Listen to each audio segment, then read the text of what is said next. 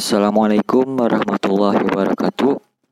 Salam sejahtera bagi kita semua. Perkenalkan, eh, nama saya Prayoga Ibu Solih Pamungkas, NPMA 012.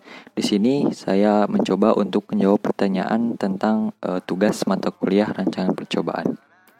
Eh, oke, langsung, langsung saja untuk pertanyaan pertama. Buatlah penjelasan tentang materi peranalisis. Oke, jadi Pra-analisis data ini terdiri dari uh, empat step ya.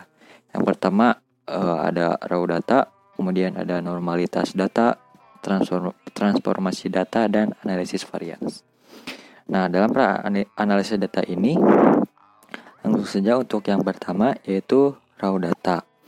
Nah, raw data ini meliputi pengamatan data per karakter seperti layout, border, dan sampel.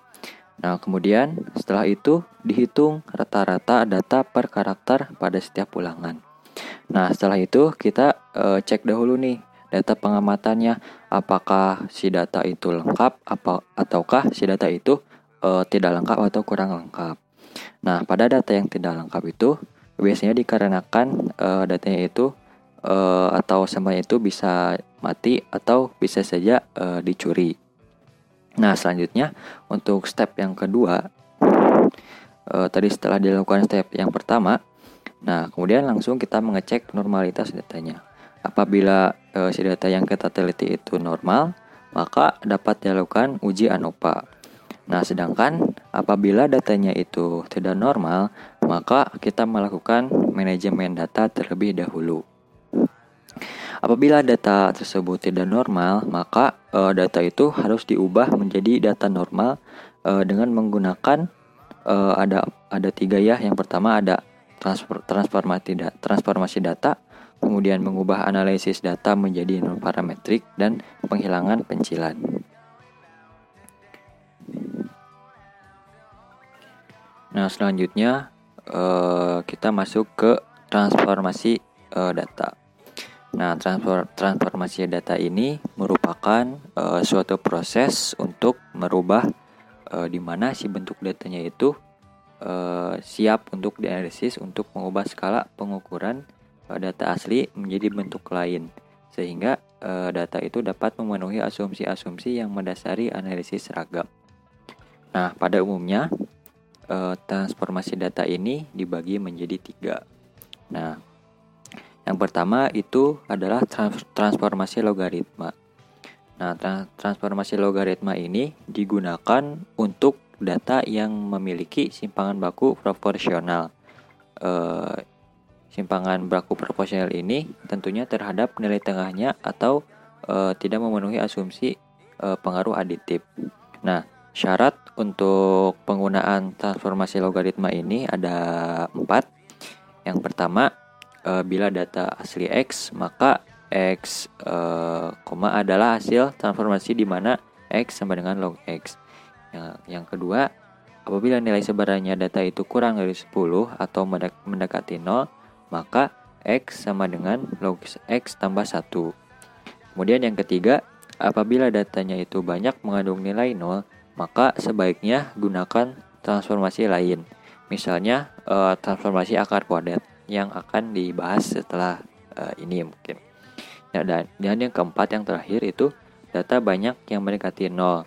Uh, misalnya bilangan desimal, maka X sama dengan log 10X.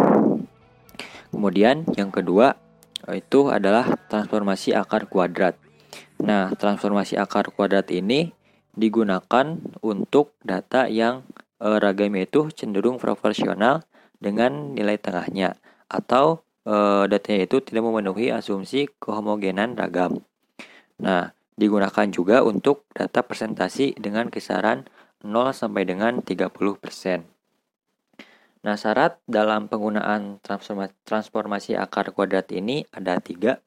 Yang pertama, eh, apabila nilai sebarannya data apabila nilai sebaran datanya itu 0 sampai dengan 10, maka X sama dengan akar X tambah 0,5. Kemudian yang kedua, apabila nilai ragamnya itu uh, lebih kecil, maka X sama dengan akar X tambah 1. Kemudian yang ketiga, uh, nilai sebaran uh, datanya itu apabila antara 0 sampai dengan 30%, maka uh, jika kebanyakan nilai kecilnya, khususnya nilai khususnya jika ada nilai 0, maka X sama dengan akar X tambah 0,5. Nah, kemudian yang ketiga ada transformasi Arcusin. Nah, tra transformasi Arcusin ini digunakan pada data proporsi atau presentasi yang diperoleh dari nisbah jumlah data. Nah, syarat dalam penggunaan transformasi Arcusin ini ada ada empat, ada tiga. Yang pertama, apabila data asli uh, apabila data aslinya itu menunjukkan sebaran nilai antara 30% sampai dengan 70%, maka itu tidak memerlukan transformasi. Kemudian yang kedua, apabila data aslinya itu menunjukkan sebaran nilai antara 0% sampai dengan 30% dan 70% sampai dengan 100%, maka e, lakukan transformasi arsin. Kemudian yang ketiga, apabila datanya itu banyak yang bernilai 0, maka gunakan transformasi e, arsin akar persen ditambah 0,5. Nah, jadi eh, data-data uh, itu data-data uh, yang terdapat dalam transformasi data sendiri itu harus sesuai sesuai dengan karakteristik data dan uh, mengubah sebaran data tidak dan transformasi ini dapat mengubah sebaran data yang tidak normal menjadi normal. Kemudian tahap terakhir yaitu uji ANOVA. Nah, apabila hasil uji ANOVA-nya itu signifikan, maka uh, kita dapat melakukan uji lanjut. Uji lanjut ini uh, bisa melakukan dengan LSD atau BNT atau juga BNJ uh, eh, atau juga Duncan atau juga Scott Knott. Nah, apabila koefisien keragamannya besar, maka dilakukan uji uji lanjut Duncan. Sedangkan apabila koefisien keragamannya itu sedang, maka di, maka uh, digunakan untuk uh, digunakan uji lanjut LSD atau juga disebut dengan BNT. Nah, kemudian apabila koefisien keragamannya kecil, maka menggunakan uh, uji lanjut BNJ. Nah, kemudian apabila uh, uji Scott, uji Scott Note yang tadi satu lagi itu dilakukan uh, untuk perlakuan jumlahnya itu uh, banyak. Nah, maka uh, dibuat klaster-klaster atau kelompok perlakuan uh, kelompok-kelompok perlakuan sejumlah dua kelompok setiap kali dilakukan pengujian data.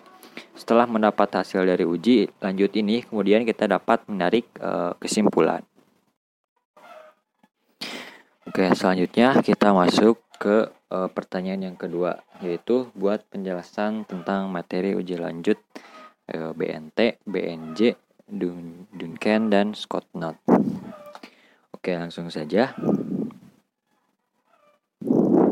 Uh, untuk uh, uji LSD atau BNT atau juga disebut dengan uh, bahasa Inggrisnya itu list eh singkatan LSD ini singkatan dari list significant difference itu merupakan suatu prosedur pengujian perbedaan di antara uh, rata-rata perlakuan yang paling sederhana dan uh, paling umum digunakan. Nah, dalam perhitungan LSD atau juga disebut dengan BNT ini, jadi kita itu harus mencari dulu nih kuadrat tengah galatnya atau KTG, kemudian taraf nyatanya, kemudian derajat bebasnya, derajat bebas galatnya, dan tabel T student, T student untuk menentukan nilai kritis uji perbandingannya. Nah, dalam proses penentuan berbeda nyata atau tidak, maka bandingkan uh, nilai selisih yang mutlak uh, dari kedua uh, data tersebut, kedua rata-rata data tersebut dengan nilai LSD yang telah kita hitung. Nah, apabila selisihnya lebih besar dari nilai LSD, maka e, data tersebut itu tergolong dengan berbeda nyata. Sedangkan apabila selisihnya itu lebih kecil dari nilai e, LSD, maka data tersebut e, tergolong e, tergolong pada data yang tidak berbeda nyata. Nah, kemudian uh, uji lanjut yang kedua yaitu BNJ atau uh, sering juga disebut dengan uji 2K.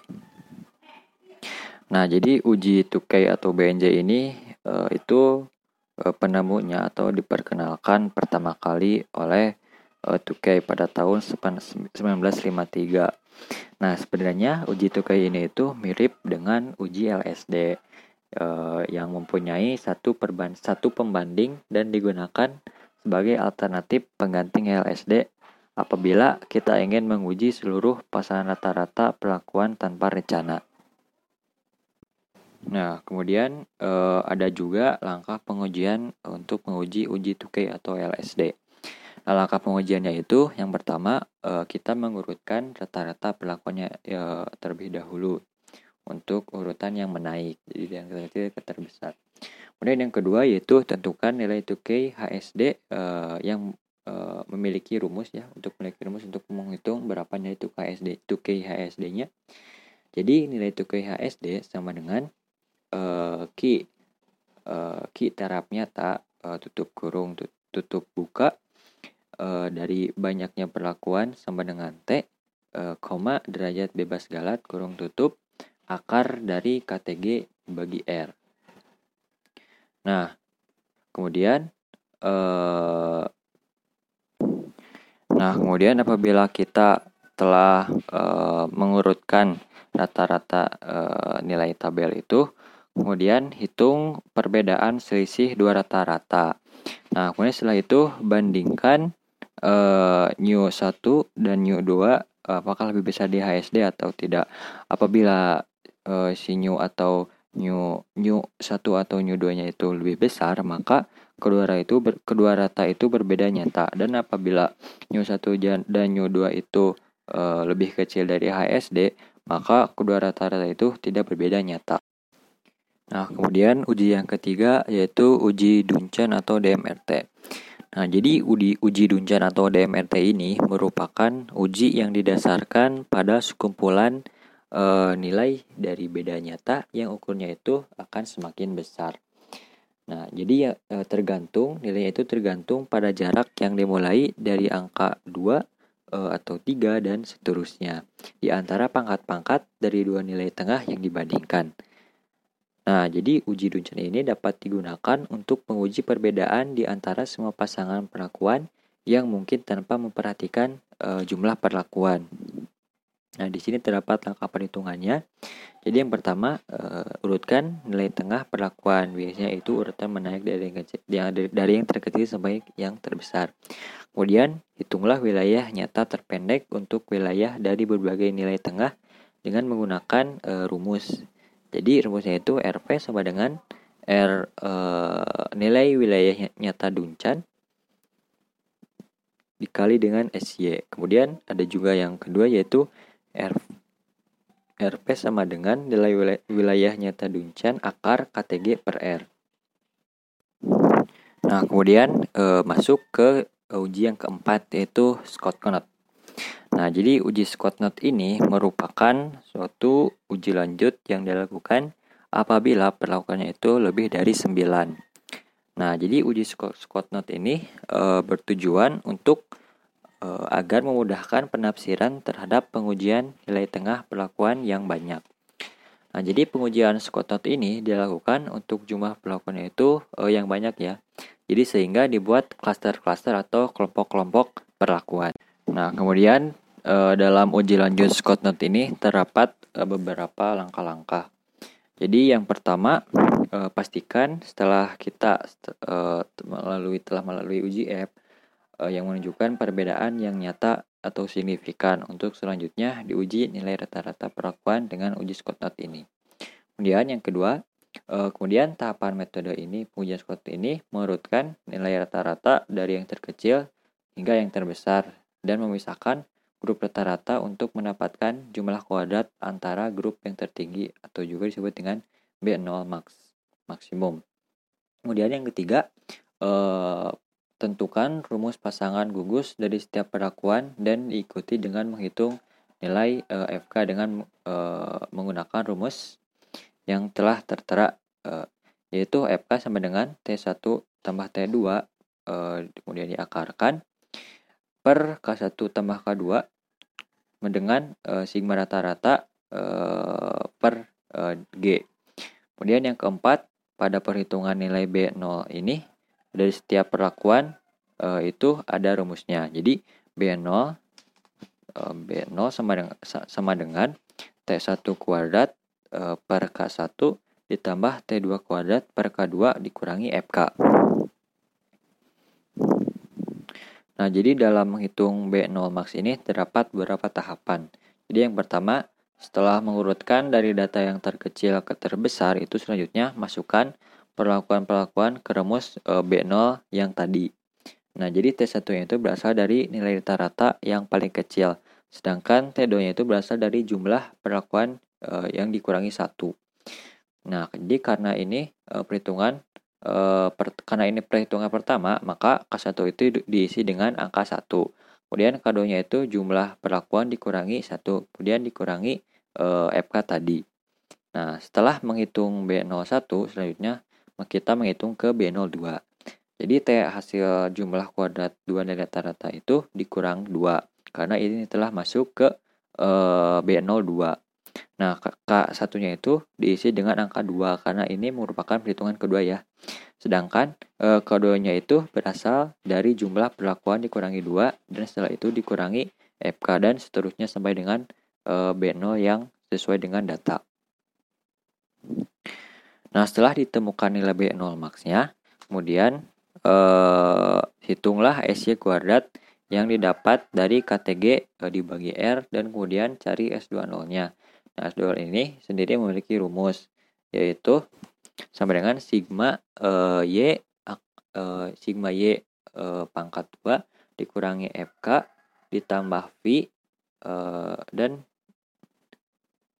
dikali S2Y dibagi V, V tambah G. Nah, selanjutnya dihitung dengan nilai perbandingan lambda dan nilai sebaran C kuadrat dengan uh, dB V0 lambda Lambda ini uh, memiliki rumus yaitu lambda sama dengan pi uh, dibagi 2 uh, eh, kurung buka pi kurangi 2 kurung tutup dikali B0 max dibagi S0 uh, pangkat 2.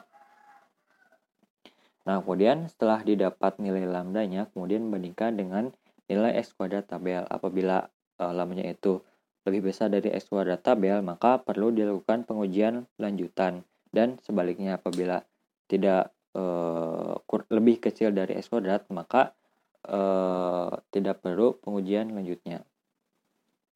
Kemudian lanjutkan perhitungan se seperti langkah-langkah yang tadi uh, agar kedua kelompok itu dihitung terpisah yang sebelumnya telah dibagi berdasarkan nilai pasangan gusnya. Nah, kemudian langkah yang terakhir apabila sudah didapat nilai lambda s kurangi X lebih dari sama dengan X, X kuadrat tabel maka uh, ini terima hak 0 sehingga tidak perlu dilakukan pengujian lanjut. Jadi apabila antara gugus nilai rata-rata tidak seragam, itu dilanjutkan dengan pengujian serupa untuk tiap anak gugus. Pengujian ini dihentikan apabila antara gugus ini uh, dianggap bersifat homogen. Mungkin sekian dari saya, kurang lebihnya mohon maaf. Wabillahi taufiq wal hidayah. Wassalamualaikum warahmatullahi wabarakatuh.